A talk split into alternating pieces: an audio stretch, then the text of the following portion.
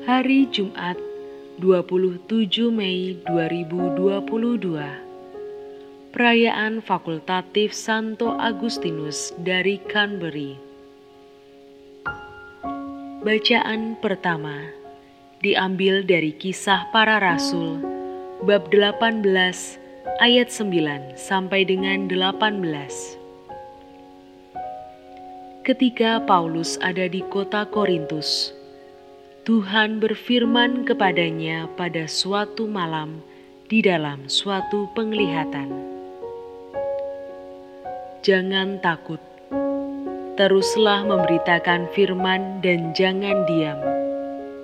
Sebab aku menyertai engkau dan tidak ada seorang pun yang akan menjamah dan menganiaya engkau sebab banyak umatku di kota ini.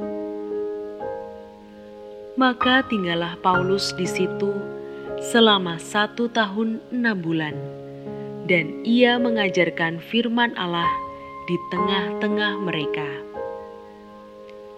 Akan tetapi, setelah Galio menjadi gubernur di provinsi Akaya, bangkitlah orang-orang Yahudi bersama-sama melawan Paulus. Mereka membawa dia ke depan pengadilan. Kata mereka, "Ia ini berusaha meyakinkan orang untuk beribadah kepada Allah dengan jalan yang bertentangan dengan hukum." Ketika Paulus hendak memulai berbicara, berkatalah Galio kepada orang-orang Yahudi itu, Hai orang-orang Yahudi, sekiranya dakwaanmu mengenai suatu pelanggaran atau kejahatan, sudahlah sepatutnya aku menerima perkaramu. Tetapi dalam hal ini adalah perselisihan tentang perkataan, nama, atau hukum yang berlaku di antara kamu. Maka hendaklah kamu sendiri mengurusnya Aku tidak rela menjadi hakim atas perkara yang demikian. Lalu Galio mengusir mereka dari ruang pengadilan. Maka semua orang menyerbu Sostenes kepala rumah ibadat, lalu memukulinya di depan pengadilan itu. Tetapi Galio sama sekali tidak menghiraukan hal itu.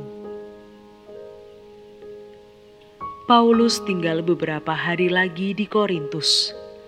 Lalu ia minta diri kepada saudara-saudara di situ dan berlayar ke Syria sesudah ia mencukur rambutnya di Kengkrea karena ia telah bernazar. Demikianlah sabda Tuhan.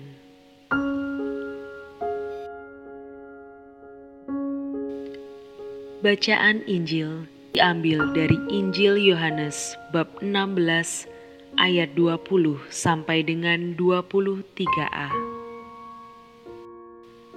Dalam amanat perpisahannya, Yesus berkata kepada murid-muridnya,